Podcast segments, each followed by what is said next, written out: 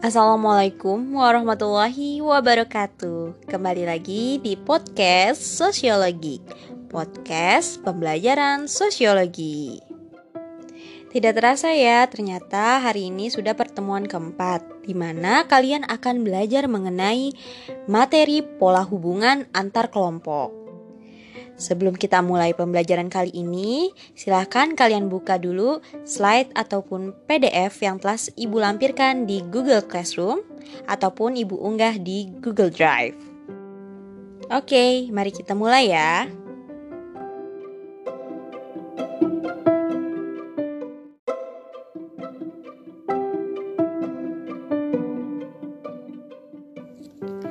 Pola hubungan antar kelompok.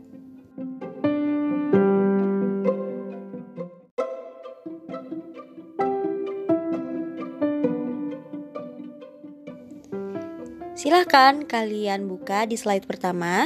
Di sini kita akan mempelajari 5 pola hubungan antar kelompok. Di mana 5 pola itu terkait akulturasi, dominasi, paternalisme, integrasi, dan yang terakhir adalah pluralisme.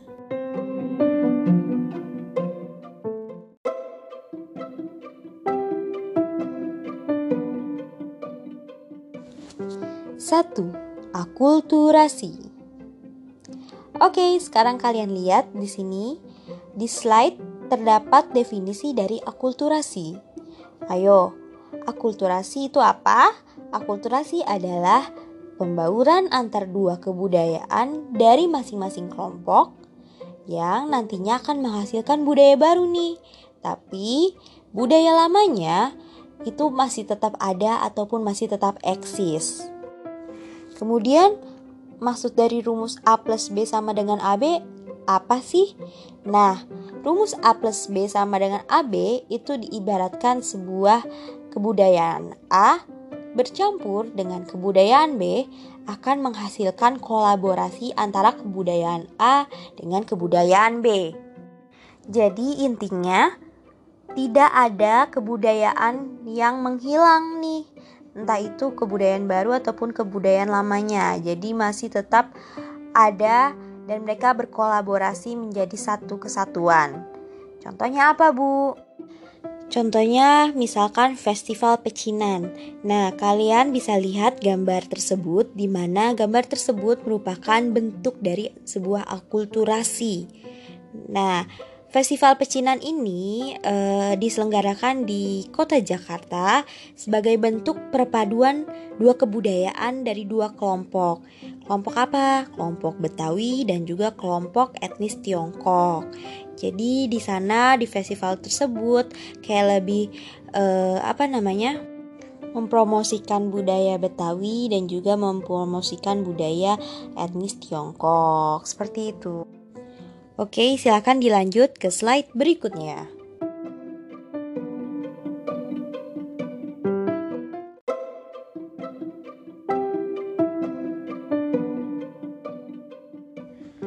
Dua, dominasi. Oke, ketika kalian mendengar kata dominasi, kira-kira apa sih yang ada di pikiran kalian? Dominasi itu biasanya identik dengan kelompok yang kuat akan lebih menguasai kelompok yang lemah. Coba kita lihat definisinya. Jadi, definisi dari dominasi adalah keadaan di mana suatu kelompok ras, agama, etnik yang lebih kuat ataupun yang lebih mayoritas itu akan menguasai kelompok yang lebih lemah ataupun kelompok yang minoritas. Dominasi ini memiliki empat turunan atau empat jenis. Yang pertama itu salah satunya adalah genosida, di mana genosida itu merupakan tindakan yang melanggar HAM seperti pembunuhan dengan sengaja dan secara sistematis yang dilakukan oleh kelompok tertentu kepada masyarakat e, di suatu wilayah ataupun di suatu negara. Contoh dari genosida itu apa? Misalkan kayak pembantaian etnis Rohingya yang ada di Myanmar. Nah, itu merupakan genosida. Mereka menembaki masyarakat etnis Rohingya yang mereka temui tanpa memandang itu muda, tua, laki-laki ataupun perempuan. Selanjutnya adalah pengusiran di mana eh, pengusiran ini dilakukan oleh kelompok penjajah yang mengusir masyarakat asli atau masyarakat pribumi dari wilayahnya sehingga orang-orang asli yang terusir itu tidak bisa menempati tempat tinggalnya tersebut. Yang ketiga ada segregasi, di mana segregasi itu merupakan pemisahan masyarakat di daerah pemukiman ataupun di suatu wilayah ataupun di suatu negara ya.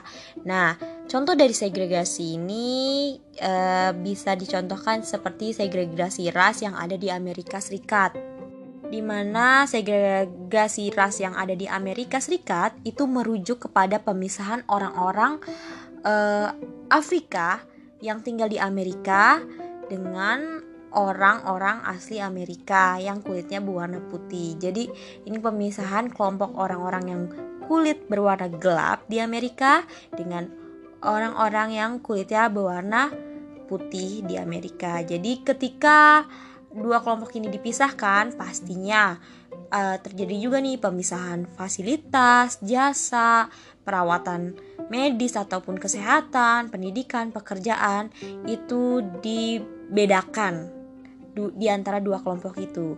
Jadi rata-rata di Amerika itu orang-orang uh, yang berkulit putih itu lebih dispesialisasikan, lebih dispesialkan gitu, lebih diutamakan ketimbang orang-orang yang berkulit gelap. Yang terakhir ada asimilasi, di mana asimilasi ini juga merupakan bagian dari dominasi. Asimilasi itu diartikan sebagai pembauran suatu kebudayaan yang disertai dengan hilangnya ciri khas kebudayaan asli. Jadi dua budaya dari masing-masing kelompok berbaur menjadi satu kesatuan dan menghasilkan suatu kebudayaan baru, kebudayaan yang benar-benar baru dan menghilangkan kebudayaan asalnya ataupun kebudayaan lamanya. Contohnya adalah amalgamasi atau yang bisa disebut dengan pernikahan antaras, di mana misalkan ada seseorang wanita Jepang yang menikahi pria Indonesia. Nah, wanita Jepang tersebut akhirnya e, menikahi seorang pria Indonesia dan pada akhirnya mereka tinggal di Indonesia untuk beberapa tahun ke depan hingga pada akhirnya si wanita Jepang tersebut hilang nih luntur kebudayaan Jepangnya dan berbaur menjadi wanita Indonesia seperti itu. Itu termasuk ke dalam asimilasi di mana eh, kebudayaan yang lamanya itu hilang dan menghasilkan suatu kebudayaan baru seperti itu. Oke, silakan kalian lanjut ke slide berikutnya.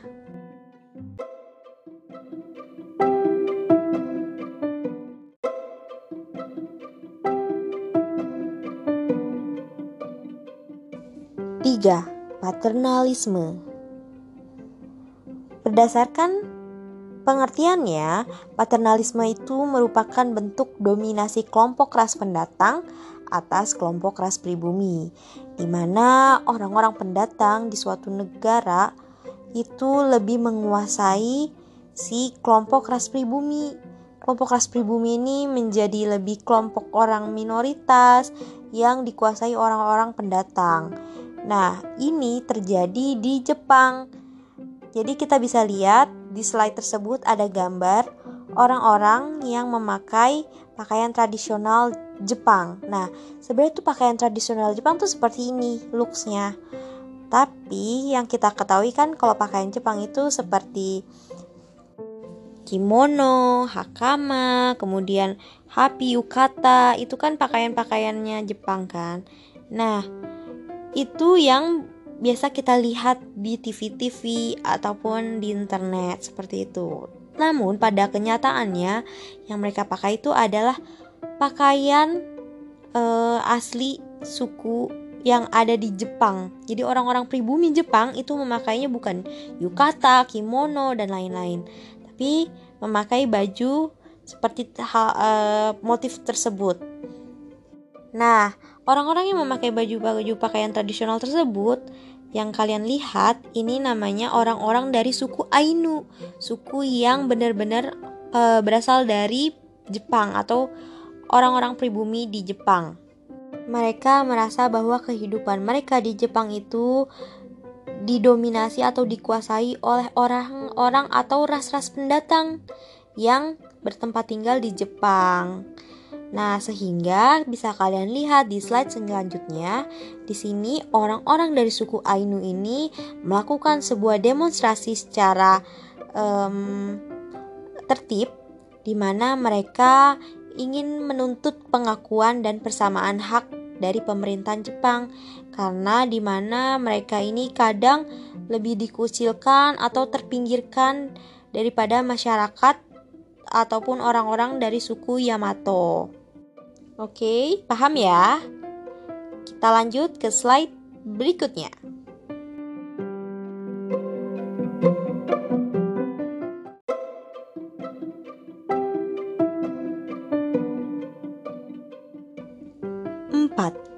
integrasi.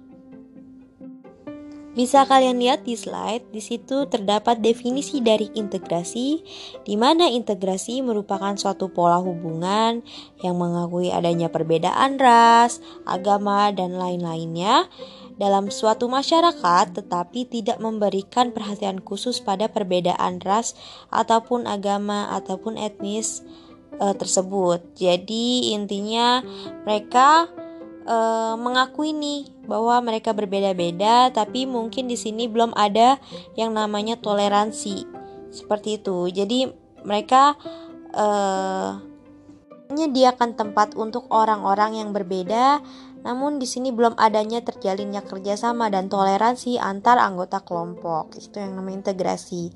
Tapi jika kita lihat melalui KBBI, integrasi itu bisa dikatakan sebagai proses pembauran atau penyatuan e, dua unsur yang berbeda hingga menjadi kesatuan yang utuh atau bulat.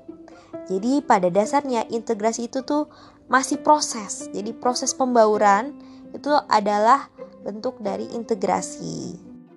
Contohnya adalah masyarakat Indonesia nih yang terdiri dari berbagai kelompok ras, agama, etnik, dan lain-lain.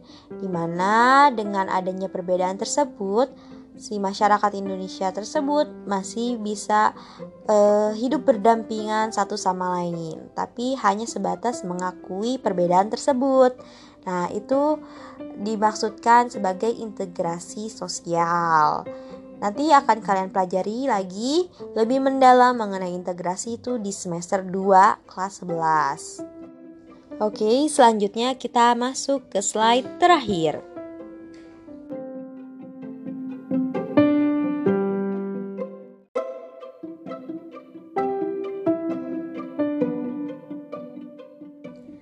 Lima, pluralisme. Oke, jadi berbeda dengan integrasi, pluralisme ini lebih memfokuskan kepada persatuan lagi. Nah, pluralisme ini didefinisikan sebagai kerangka interaksi antar kelompok gitu, antar kelompok yang saling berinteraksi di mana kelompok tersebut menampilkan rasa hormat, kemudian rasa toleransi satu sama lain, dan mereka berinteraksi tanpa adanya konflik ataupun pembauran ataupun pembiasan eh, masing-masing uh, kelompok atau yang bisa disebut dengan asimilasi. Berbeda ya dengan integrasi, tadi integrasi proses pembauran di mana mereka sudah um, mengakui adanya perbedaan namun hanya sampai di situ saja. Kalau plural, pluralisme ini lebih ke menam, sudah menampilkan rasa hormat dan rasa toleran kepada anggota kelompok yang berbeda-beda. Contohnya apa? Contohnya adalah sikap toleransi antar kelompok beragama yang kalian lihat di gambar berikut. Di sini terdapat beberapa tokoh agama dari berbagai kepercayaan, berbagai agama. Mereka bersatu, eh, mengabadikan momen bersama dan saling uh, menghormati uh, kepercayaan masing-masing gitu, saling berto saling memiliki toleransi satu sama lain. Namun, ada hal yang perlu diingat dan perlu diketahui bahwa ketika kita menjalankan sikap toleransi terhadap kelompok lain, terutama dalam keagamaan, ada batasan-batasan tertentu yang tidak boleh kita lampaui. Mungkin Ibu cukupkan uh, pertemuan kali ini mengenai materi pola hubungan antar kelompok. Nah, untuk besok kalian mungkin akan ada evaluasi mengenai materi ataupun bab kelompok sosial di mana kalian harus belajar lagi, refresh lagi materi-materi sebelumnya dan jika ada materi yang tidak kalian mengerti, kalian bisa eh, PC atau personal chat ke ibu secara langsung ataupun bisa menanyakan melalui Google Classroom. Oke, kurang lebihnya mohon maaf jika ada kata-kata yang kurang berkenan, mohon dimaklumi dan dimaafkan. Wassalamualaikum warahmatullahi wabarakatuh.